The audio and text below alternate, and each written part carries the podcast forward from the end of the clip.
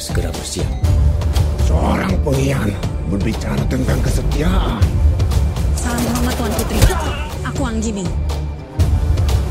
Aku Santiko, bujang gila tapak sakti. Mati kau, Maesa Bilang!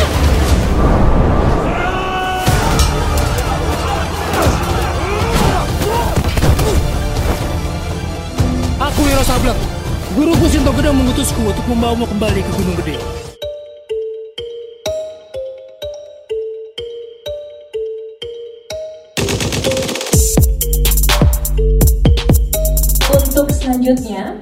Uh, kami akan mengundang Ibu Sheila Timothy uh, selaku CEO dan produser Lifelike Pictures yang akan mempresentasikan the story behind the scene, the frontman of creative economy. Kepada Mbak Lala Timothy, silakan kami berikan waktunya.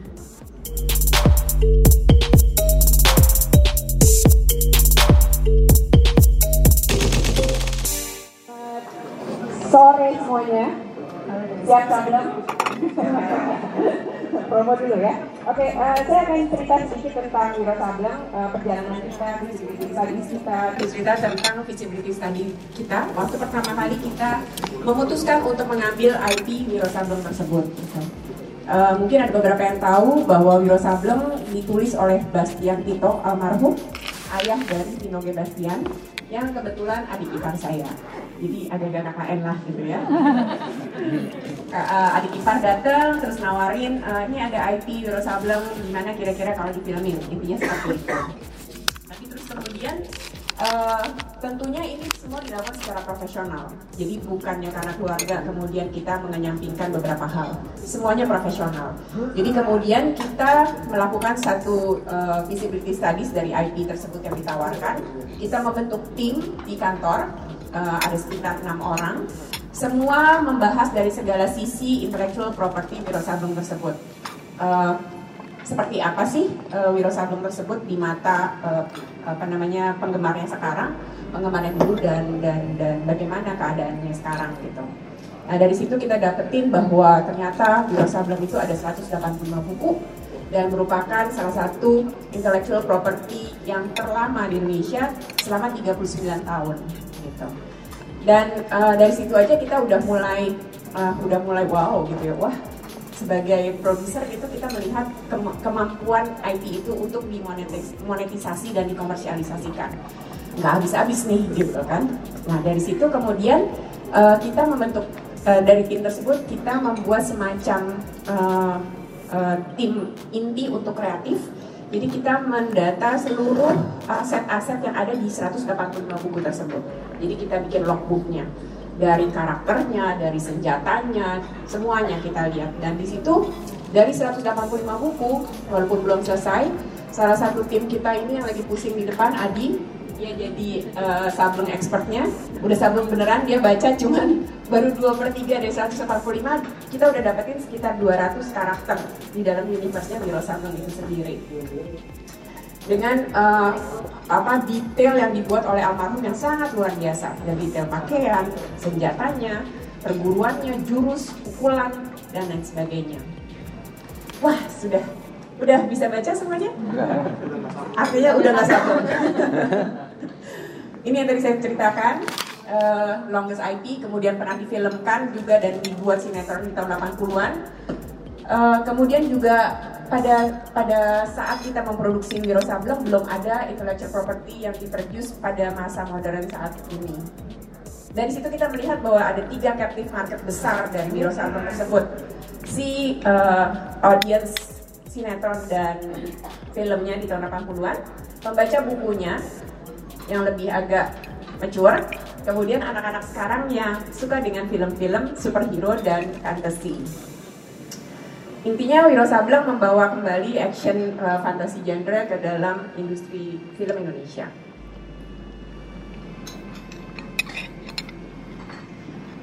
Gambar-gambar uh, ini dibuat oleh Caravan Studios, Chris Lee di situ. Uh, tepuk tangan buat Caravan Studios yang luar biasa. Caravan juga bekerja sama untuk banyak sekali IP di Indonesia lainnya seperti Gundala dan Berkaca juga. Jadi uh, uh, kita sangat sangat uh, Buffalo Boys juga kita sangat privilege sekali bisa kerjasama dengan Christy dan Caravan dan timnya. Ada sedikit tentang mungkin um, yang ingin tahu tentang industri film Indonesia, saya ceritakan sedikit bahwa industri film Indonesia ini di tahun sekarang ini, terutama 2018 dan 2019, sedang dilihat oleh dunia. Bahkan uh, adik dari teman saya sekolahnya di uh, uh, USC juga diceritakan tentang bagaimana industri film Indonesia ini punya potensi yang sangat luar biasa. Dan di tahun 2017 kemarin kita diposisikan nomor 16 di dunia. Secara theatrical growth, uh, terima kasih juga untuk Mekraf dan pemerintah yang telah mempush BNI dibuka di tahun 2016. Peningkatannya sangat luar biasa. Dari 2016 ke 2019 jumlah layarnya bisa dibilang naik sekitar uh, 60%. Karena di 2019 akhir dari gabungan pengusaha bioskop Indonesia mencanangkan akan ada 2000 screens di Indonesia dibandingkan di 2016 yang hanya 1243. Uh, di 2016 ini kita bersama-sama dengan pemerintah membuka daftar negatif investasi sehingga memungkinkan investasi asing untuk masuk ke industri film Indonesia. Uh, dari ini atau daftar negatif investasi ini tertutup untuk film selama hampir lebih 10 tahun. 40 tahun. Masih muda saya jadi. 30 kali mas. Enggak. Pasnya berapa? Sekitar 30 tahunan lah gitu ya. Jadi uh, memang perjuangannya cukup besar tapi terlihat sekali ketika 2016 DNI dibuka perkembangannya sangat-sangat pesat uh, kita beruntung berhasil mendapatkan co-production dengan Fox International Production, anak perusahaan dari 20th Century Fox, dan jadi merupakan uh, co-production pertama di Southeast Asia untuk Fox. Dan di sini kita, uh, saya ingin share sedikit tentang si co-production ini. Apa sih uh, kesulitan-kesulitan yang kita hadapi waktu uh, bekerja sama dengan Fox? Pertama, ketika berjumpa dengan uh, company besar standar Hollywood, pasti mereka akan minta data-data statistik. Dan itu salah satu kekurangan dari industri kita. Susah sekali mendapatkan data, terutama 20-30 tahun ke belakang. Gitu. Yang baru-baru ini, baru sekitar 5-6 tahun ada bicara box office dan lain sebagainya mulai uh, memberikan data-data yang, yang akurat. Tapi kalau kita mau melihat 30 tahun ke belakang, itu rada sulit, sulit sekali. Terutama juga ketika saya berjumpa dengan Fox dan mereka ingin uh, data tentang uh, uh, genre film yang mirip dengan si Wiro Sableng tersebut gitu. Ditanya uh, bagaimana uh, performance dari film similar seperti Wiro Sableng kita nggak punya data tahun 80-an gitu. Dan kalau di zaman sekarang modern ini juga belum ada film seperti si Wiro Sableng ini. Jadi uh, kita harus pintar-pintar cari data dari uh, uh, apa ya genre fantasi dari format lain yang non film misalnya dari apa dari game kemudian dari film Hollywood lainnya seperti Lord of the Ring dan lain sebagainya. Kemudian juga uh, apa uh, perbedaan legal antara Indonesia dengan Hollywood. Sistem ini sangat beda sekali, terutama karena mereka udah sangat-sangat mature, kita masih bisa dibilangin baru balita ya, baru mau belajar. Jadi ketika mendapatkan legal uh, dokumen yang besarnya kayak batako gitu ya, tebelnya kayak batako, yang bacanya tuh bisa kadang-kadang kalau selesai baca kayak enak badan gitu. Pakai bahasa Inggris, baca besok baca lagi kok beda ya gitu. Di translate bahasa Indonesia bacanya beda lagi gitu. Dan uh, kita juga belum punya entertainment lawyer yang khusus untuk menangani intellectual property di Indonesia yang sangat-sangat sudah ahlinya. Jadi benar-benar kita belajar sambil uh, learning by doing ketika melakukan si deal dengan si Fox tersebut. Hampir satu tahun kita melakukan prosesnya. Uh, kemudian juga pengetahuan tentang intellectual property sangat-sangat minim di kita. Uh, contohnya, uh, ketika kita bicara dengan legal Hollywood gitu ya, legal si Fox tersebut, mereka minta seluruh kontrak dari seluruh orang-orang atau pekerja yang terlibat dalam film kita. Gitu. Uh, ya kita punya sih kontrak-kontrak itu dengan PD-nya kita bilang kita punya gitu. Tapi ketika ditanya uh, set builder mana kontraknya? Huh? Tukang las? Huh? Nggak ada gitu catering. Nggak ada. Dua puluh lima ribu sekali makan minta kontrak agak susah gitu ya. Tapi terus uh, itu yang harus kita jembatani gitu. Tapi dari situ kita belajar bahwa buat mereka uh, penghargaan tentang uh, pekerja kreatif itu sangat-sangat dihargai. Jadi walaupun set builder, dia harus membuat semacam pernyataan mengakui bahwa karyanya itu diberikan kepada production company gitu. Jadi rights dari production company. Bahwa kalau di sana tukang las pun bisa ngesu gitu kalau misalnya dia nggak ada legal terms yang jelas. Jadi hal-hal kecil yang yang kita dapati dari dari deal dengan Fox bukan melulu kreatif tapi juga masalah legal dan lain sebagainya. Uh, kita juga butuh lagi dukungan dari pemerintah. Kita sudah buka DNI di tahun 2016, tapi uh, kebijakan-kebijakan turunannya yang kita butuhkan seperti tax incentives, eh, uh, investment incentive, tax rebate dan lain sebagainya, sehingga lebih banyak lagi foreign investment datang ke Indonesia khususnya untuk industri film. Nah, dari tadi yang pusing-pusing-pusing, sekarang ini bagian yang saya paling suka, yaitu bagian kreatif, getting it done. Di sini, uh, ini adalah gambar pertama yang kita bawa ketika kita pitching ke Fox. Dan gambar ini adalah gambar Chris Lee. Jadi waktu saya ketemu Fox, uh, baru ada tiga chief crew yang terlibat dalam film tersebut. Uh, Caravan Studios, di, yang megang PR, kemudian production designer Adrianto Sinaga yang men-set bahwa universe ini akan menggunakan tema universe Nusantara tapi fantasi dan satu lagi adalah music director kita Arya Prayogi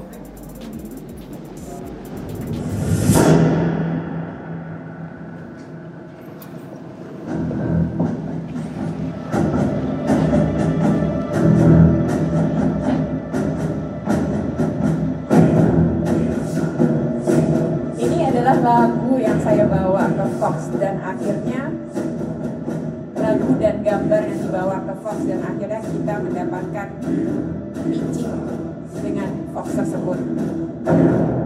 Dari lagu ini kita bisa dapat gambaran bahwa seberapa fantasinya, seberapa grandnya, seberapa kolosal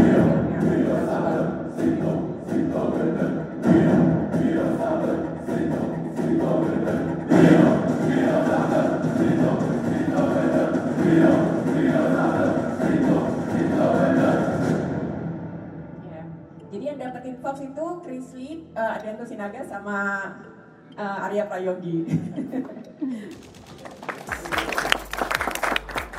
ya dari situ terus kemudian setelah panjang lebar ngobrol dengan Fox, uh, tadinya mereka masuk ke tiga negara waktu itu Vietnam, Filipina, dan Indonesia. Kemudian ketika melihat presentasi uh, Wiro captive marketnya yang besar dan potensi untuk bisa merajai di uh, lokal, akhirnya mereka putuskan untuk masuk ke Indonesia dan meninggalkan dua negara lainnya. Jadi Indonesia menjadi uh, negara pertama untuk memproduksi box tersebut. Dari situ kita membuat premisnya dari film ini, kemudian kita menentukan genre-nya, action, comedy, fantasy, dengan core target yang eh, sangat-sangat uh, spesifik. Kita harus make sure bahwa seluruh kru, chief kru yang terlibat dalam film ini, terutama director, membuat satu film yang sama. Gitu jadi dari dari script tersebut kita membuat semacam uh, uh, turunan karakter archetype dari masing-masing karakter yang kita uh, uh, kita kita submit kita berikan kepada tiap-tiap chief uh, crew. Di Wiro ini kita menggunakan satu sistem baru yaitu sistem matrix di mana seluruh uh, kru yang terlibat mempunyai akses terhadap chief crew yang lain. Jadi kalau misalnya uh, uh, di sini ada yang paham tentang hierarki in, uh, film industri, biasanya produser di atas, director, writer kemudian baru ke bawah, dan hierarkinya biasanya linear. Kalau di Wiro Sableng kita buat circular.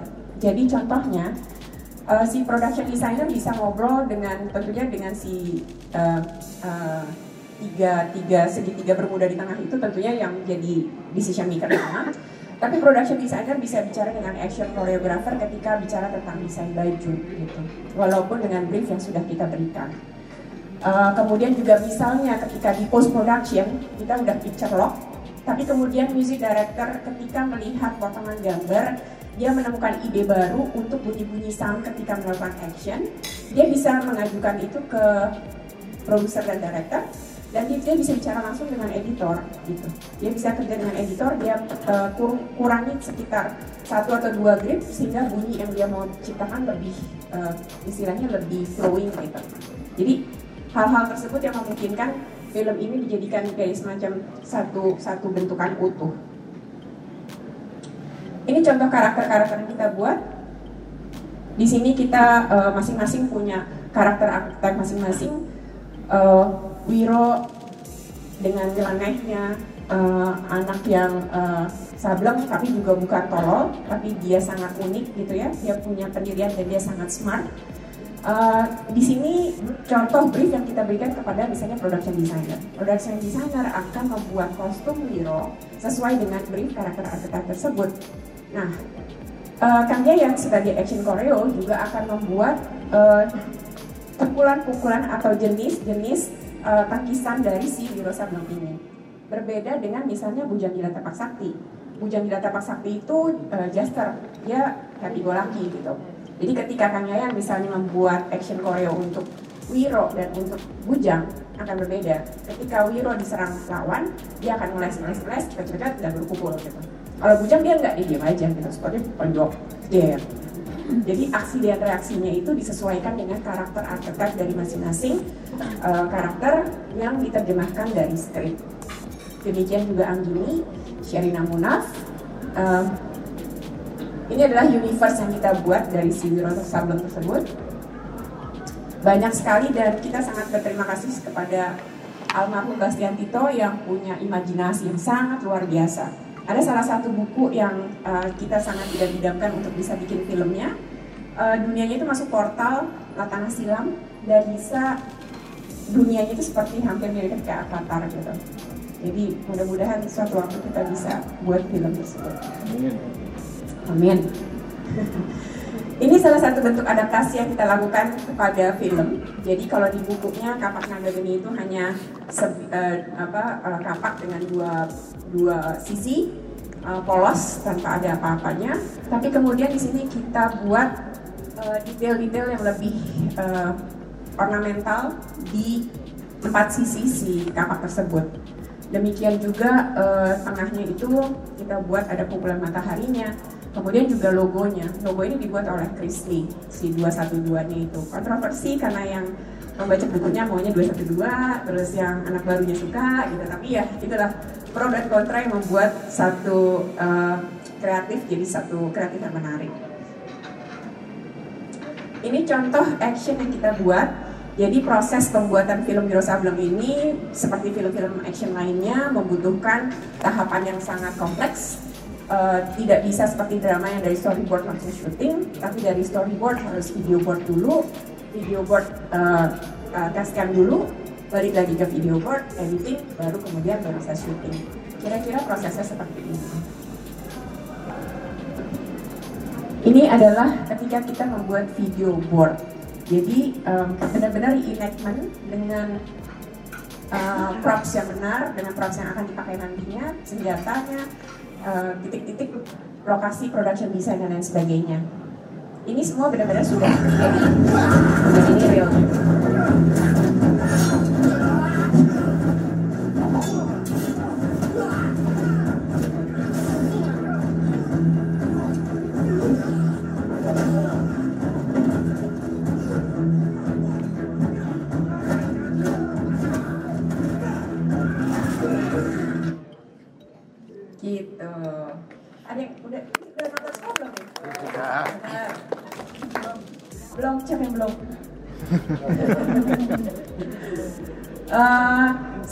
Juga yang membanggakan dari Wiro Sableng adalah tim visual effect-nya karena 100 orang yang terlibat dalam Wiro Sableng semuanya orang Indonesia, anak Indonesia semua. Ya. Dan itu adalah memang uh, by choice. Uh, jadi bukan karena kurang duit atau apa bukan, benar-benar by choice. Karena kita percaya dengan artis kita, dengan kemampuan mereka, dan kita rasa uh, dengan saling mendukung di industri ini kita bisa maju bareng-bareng gitu. Uh, biasanya artis-artis VFX kita ini uh, mendapatkan uh, pekerjaan dari luar dari uh, Marvel, DC dan lain sebagainya, tapi karena memang outsourcing, jadi namanya tidak masuk ke IMDb. Hmm. Gitu. Jadi pertama kali ketika masuk di Wiro, kita masukin semua namanya di IMDb dengan nama company-nya dan lain sebagainya. Jadi kita maunya apa yang kita buat bisa memberikan juga benefit buat industri semuanya. Dan uh, bukan yang terbaik, kita nggak bilang uh, VFX Wiro yang terbaik, enggak, tapi kita usaha untuk jadi yang lebih baik lagi. Tapi uh, tim VFX lumayan mendapatkan banyak piala di FFI dan Piala Dunia. Dan uh, ya ini uh, paling tidak kita menjadi satu satu punya satu uh, apa ya satu uh, stakeholder perfilman yang mudah-mudahan bisa lebih maju lagi ke depannya. Ini salah satu contoh behind the scene uh, visual effect yang dibuat oleh tim VFX Wirosakti.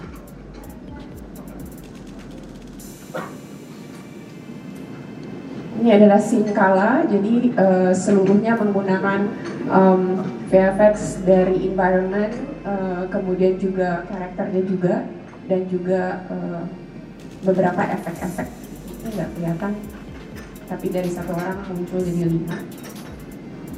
Dan ini adalah uh, 3D uh, VFX environmentnya untuk Wiro Sableng yang menggunakan environment 3D, jadi bukan hanya uh, mid painting aja.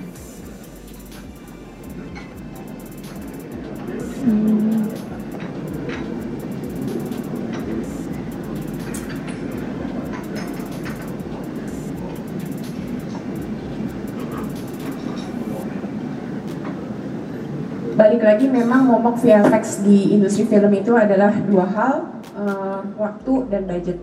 Nggak mungkin bisa dipungkiri waktu itu benar-benar uh, sangat dibutuhkan untuk bisa mendapatkan hasil yang sangat-sangat maksimal. Udah? Nah kita masuk ke communication strategy. Sorry ya lompat-lompat biar semuanya kecakup uh, di sini kita me mau ceritain tentang strategi komunikasi kita kita mulai memperkenalkan logo 212 tersebut di Februari 2017. Sementara syuting baru Agustus 2018 eh 2017 dan film baru rilis di Agustus 2018. Jadi kita butuh sekitar 2 tahun untuk membuild logo si 212 tersebut. Dan lumayan merchandise-nya laku intinya gitu. Jualan jualan hoodie logo ini laku banget gitu. Dan Vino foto begini juga jadi viral. Semuanya foto begini pakai bolpen gitu. Uh, kemudian juga kita menggunakan hashtag siap sableng uh, yang kita pakai terus menerus untuk semacam brand activation. Kemudian kita juga memperkenalkan Wiro Sableng sebagai new brand. Karena kita menganggap bahwa Wiro Sableng ini uh, lumayan sudah tidak ada di, sudah sudah hilang dari dari kalangan uh, kreatif sehingga perlu diintroduce lagi. Sehingga effortnya perlu seperti memperkenalkan new brand. Kita mengintroduce karakter-karakter dalam Sableng ini dalam enam bulan uh, di stretch terus dari sedikit demi sedikit dari sejak Desember 2017 sampai Agustus 2018 uh, uh, pengen NDA banget karena harus uh, ngumpet-ngumpet. Gak bisa. NDA-nya setengah mati gitu karena kita harus gak boleh bocor sama sekali gitu ya. Uh, jagainnya setengah mati supaya jangan sampai ada yang bocor dan lain sebagainya. Tapi lumayan sukses uh, keluar di timing yang tepat. Brand activation kita, uh, kita menggunakan banyak sekali uh, apa poster competition melibatkan banyak sekali uh, desainer-desainer grafik. Kemudian kita juga membuat empat uh, desain khusus Wiro Sableng dari empat artis komik. Kemudian meme dari dari dari uh, audiens banyak sekali yang secara secara organik lahir. Nah ini uh, benefit dari cooperation dengan dengan si Fox tersebut. Benefitnya salah satunya kita mendapatkan script doctor, doctoring, transfer knowledge tentunya. Kemudian juga kita mendapatkan benefit market uh, dan distribusi dan juga cross promotion dengan salah satu IP terbesar mereka yaitu Deadpool. Watch out for cable. But I can't do this alone. We're gonna form a super duper fucking group. It's time to get back on LinkedIn. Meet Daniel. My name's Shatterstar. As we don't hear. Hit it! Domino, I'm lucky. Peter. I just saw the ad. And last but not least, Wiro Sableng. and Howard, want to tell us about? I live in the mountain for 17 years. No phone. You're in. It's showtime. Don't call it a comeback. I've been here for days. I'm rocking my hands, put suckers in jail.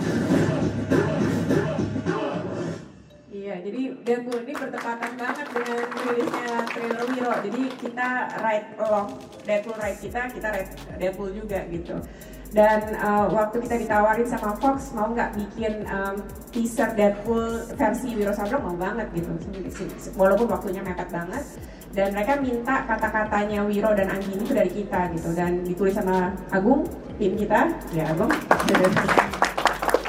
Uh, dan dan uh, Fox langsung suka dengan dengan dengan dialog tersebut yang menurut mereka witty dan cocok dengan Deadpool tapi cocok juga dengan Wiro sehingga jadilah si si uh, ini. Dan kita dapat impressions banyak banget di sosial media sekitar 200-an juta dari waktu si Deadpool tersebut gitu. Uh, chain of title dari Wiro Sableng uh, kita tentunya punya merchandise sama dengan IP-IP yang lainnya kemudian itu yang laku banget di Tokopedia ada kalau mau pesen. Kemudian kita juga bikin digital comic dengan Komiko dengan Caravan Studios uh, yang mungkin akan diteruskan lagi nantinya ke fisik. Uh, kemudian kita bikin juga virtual reality dengan Omni VR kemudian ada juga uh, artbook Wiro Sableng dari Caravan Studios.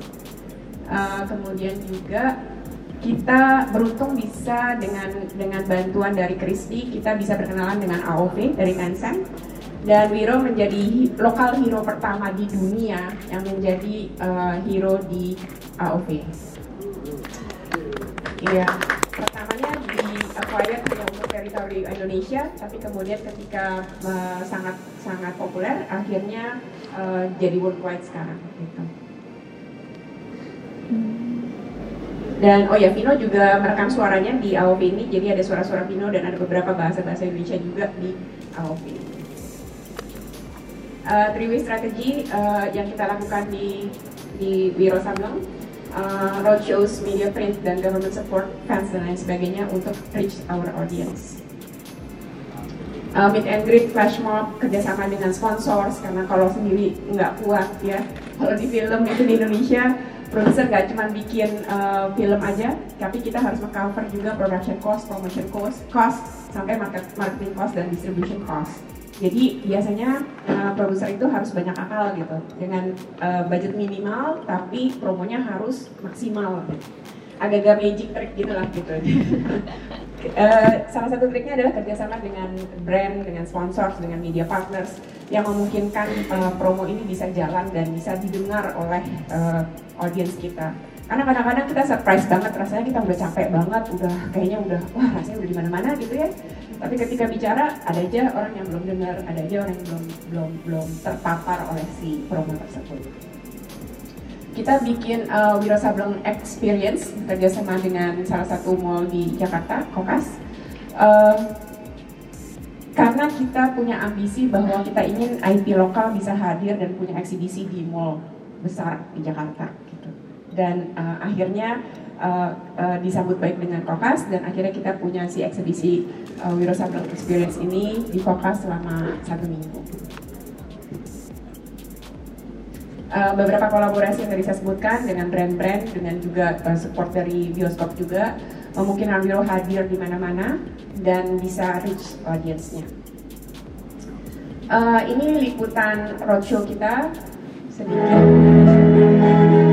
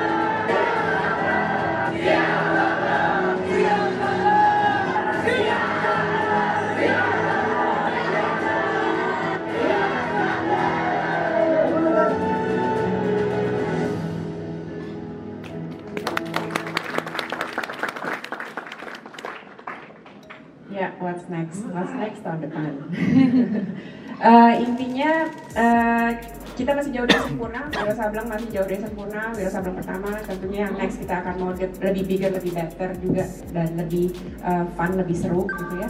Eh, tapi eh, ada kepuasan-kepuasan yang selain kita dapatkan secara komersil gitu. Banyak anak-anak kecil yang hadir di roadshow kita dan bilang, "Eh, saya bangga saya punya superhero Indonesia sekarang gitu. Wiro Sableng dulunya cuma Iron Man misalnya gitu.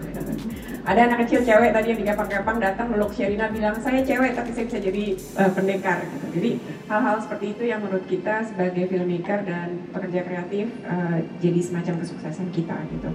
Walaupun Wiro Sableng juga masuk top 10 eh, box office last year, eh, action yang rasanya action satu-satunya di top 10 box office tahun lalu. Eh, demikian paparan dari saya. Jika ada pertanyaan, silakan. Terima kasih. Silakan kami berikan waktunya. Eh, Mbak boleh? Silakan. Mau yang ya.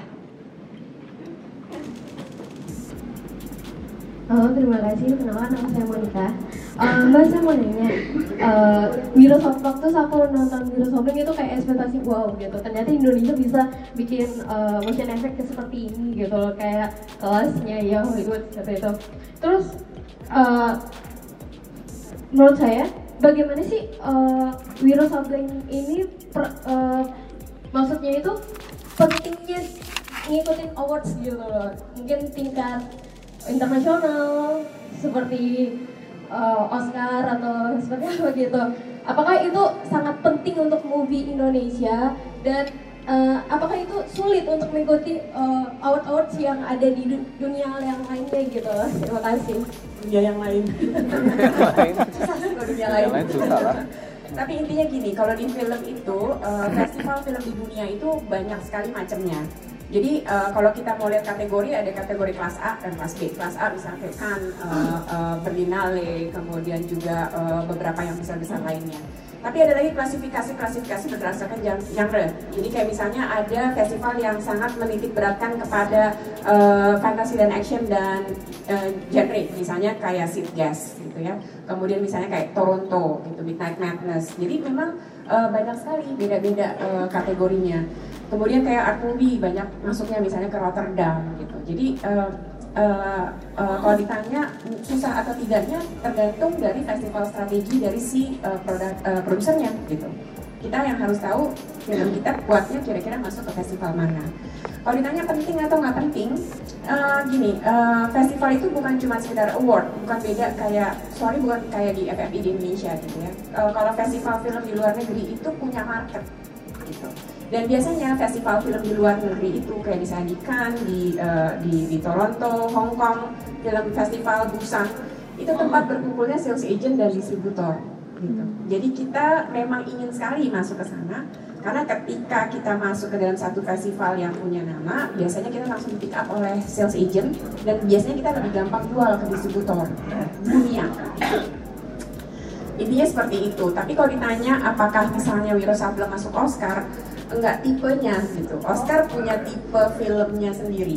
Ketika satu negara mengirimkan film untuk Oscar, masuknya ke International uh, Film Award dan biasanya perwakilan dari satu negara tersebut gitu. Dan biasanya untuk International Film Award kayak tahun lalu yang menangkan Roma, uh, biasanya menekankan kultur, drama dan lain sebagainya gitu.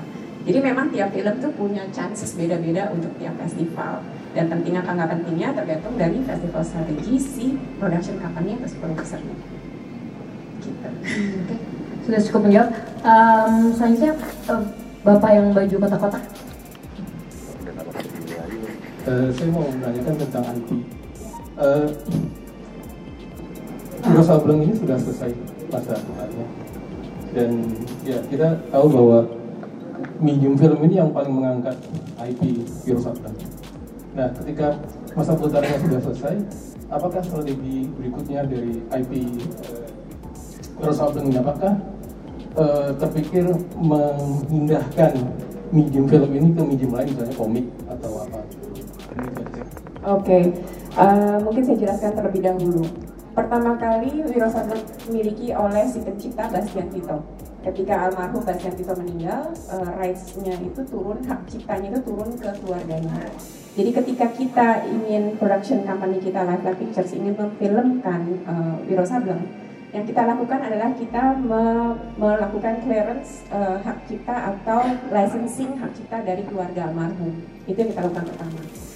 Nah, ketika kita melakukan uh, licensing dari keluarga almarhum, kita mendapatkan hak intellectual property untuk Wiro Sableng dieksploit dalam bentuk format apa pun dalam jangka waktu tertentu. Jadi ketika kita udah dapat dari keluarga nih uh, IP tersebut, IP rights tersebut, nah tergantung kita mau mau kita apain gitu. Strategi kita apa? Kayak yang tadi saya sebutkan. Turunan kita di Wiro Sableng ini bukan cuma film, turunannya banyak. Kita udah ada komik dengan Komiko, kemudian kita udah ada game juga dengan AOV, walaupun hanya meminjamkan hero-nya. Uh, kemudian juga kita punya merchandise dan lain sebagainya, uh, logo, karakter itu semua IP rights semua gitu. Jadi uh, ketika bertanya soal IP rights, memang ketika kita melicense, biasanya IP rights itu udah jadi turunan dan bisa dieksploit sampai jangka waktu tertentu sesuai dengan kontrak di awal. Dan uh, untuk film biasanya rights itu akan turun atau selamanya menempel di film tersebut ke si production company. Dan um, IP itu memang benar-benar kayak dunia yang luar biasa banget sih ya gitu. Maksudnya kita bisa belajar banyak banget dari sana. Karena kayak tadi saya bicara ketika kita menurunkan buku Wiro Sableng ke film Wiro Sableng uh, entity dari si Wiro Sableng itu banyak banget yang bisa kita turunin. Contohnya ya ini gambar Wiro Sableng logo 212 kapaknya itu punya copyright punya trademark masing-masing semua sendiri gitu. Dan itu harus didaftarkan masing-masing ke uh, Kumham. Dan itu menjadi uh, menjadi bensinnya dari si pemilik IP untuk mengeksploit terus dan mendatangkan uh, income untuk si IP tersebut. Eh, eh, contohnya kayak Viro Sableng ini kan sebenarnya kan berangkatnya kan bukan dari film tapi dari Dari buku. dari buku ya. Ya. Eh, apakah menurut Mbak sendiri IP tertentu itu punya apa ya punya kekuatan di medium-medium tertentu saja atau semua IP bisa dibolak-balikan ke segala medium? Intellectual property itu kan bentuknya tidak, eh, maksudnya intellectual property dari oh, dari dari apa yang dihasilkan oleh akal eh, manusia gitu. Bentuknya bisa macam-macam dari buku, contohnya udah saya bilang buku tulisan gitu. Tapi tulisan itu bisa divisualisasikan. Nah visual itu bisa jadi bentuk IP yang terbentuk, bisa dijadikan film, bisa dijadikan game. Maksud saya Ya. eh, IP ini bisa lebih cocok di hanya medium tertentu kah atau IP ini bisa cocok di medium apa pun gitu? IP IP itu selama se, sepinter-pinternya, sekreatif kreatifnya kita mengeksploit si IP tersebut gitu. Kadang-kadang kayak misalnya begini, hmm, film, misalnya film AADC pertama gitu. 10 tahun yang lalu kita belum terlalu kenal apa sih IP gitu ya. Tapi ternyata 10 tahun kemudian ketika dibikin iklannya di line booming gitu. Dan akhirnya Miles Film membuatkan AADC 2 gitu. Itu jadi sequel. Uh, AADC 1 itu jadi IP gitu. Um, bisa aja dari dari lagu lagu juga bisa gitu lagu dijadikan film misalnya kemudian uh, dari gambar misalnya gambar pun bisa dijadikan cerita gitu. dari webtoon bisa jadi film jadi IP ini benar-benar satu satu apa ya satu universe yang luar biasa yang bisa diekspor tanpa habis-habisnya dan uh, seru asik sekali dinamis gitu dan tergantung dari kita orang-orang kreatif gimana kita bisa menghasilkan ide-ide menarik dari si bentukan IP itu mau dari bentuk apa pun Terima kasih. Terima kasih kepada Yang Terakhir. tuh kacamata. terakhir ya. Silakan. Lucu banget. Sore, Sore. saya mau tanya Mbak eh, dengan skala dan juga kompleksitas produksi yang tadi Mbak Lala cerita, eh, tiga hal apa yang nggak akan Mbak Lala lakuin di produksi selanjutnya? Kau pinter banget nanyanya. Tiga hal apa yang akan, tidak akan saya lakukan? ya tidak akan Mbak Lala lakukan lagi di produksi selanjutnya. Oke, pertama, oh ini. Maaf, ya kalau dia tersinggung. Yang pertama adalah kita memang punya hiccup di visual effect eh, development. Jadi kita sempat bekerja sama dengan eh, tim yang salah gitu dan kita eh, terbuang waktu kita. Dan kita sebenarnya kita mulai VFX development itu dari sejak Agustus eh sorry dari Juli 2017 jadi bisa hampir satu setengah tahunan gitu ya. Nah, kita dari April malah dari pre-pro. Karena kita udah tes uh, tes kamera untuk VFX gitu. Tapi karena uh, uh, tidak bisa di deliver oleh tim pertama sehingga akhirnya kita kebuang 6 bulan gitu. jadi itu yang kita belajar gitu.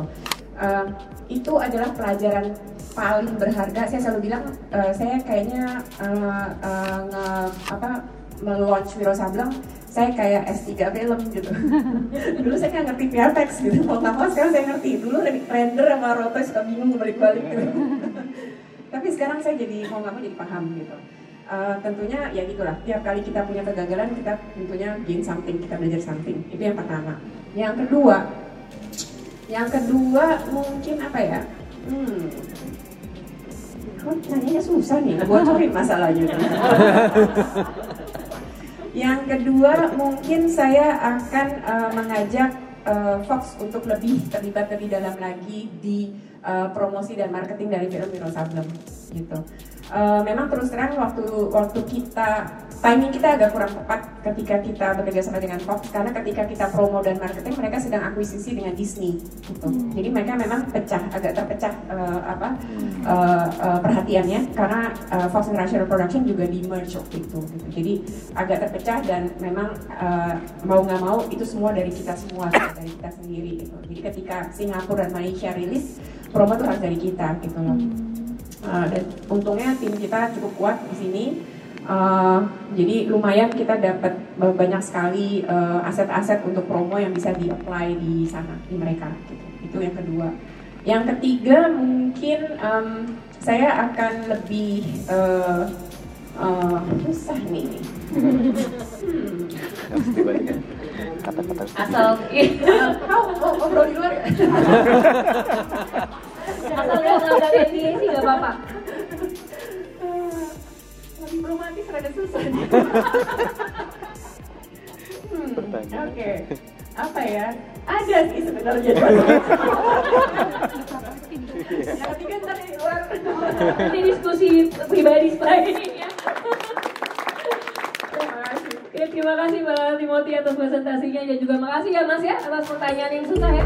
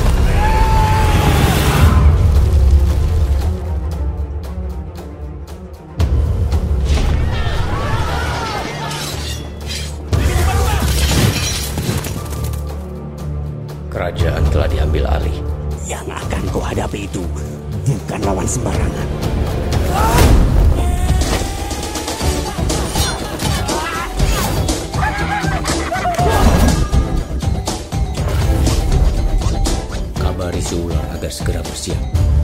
Seorang pengkhianat berbicara tentang kesetiaan. Salam hormat Tuan Putri. Aku Anggini. Aku Santiko, bujang gila tapak sakti. Mati kau! Maesha bilang!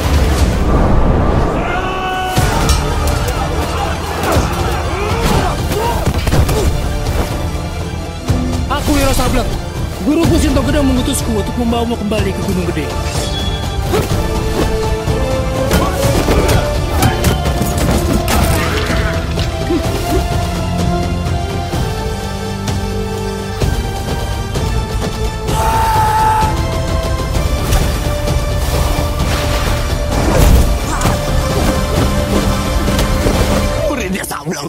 gendeng. Dharma, jadilah satu.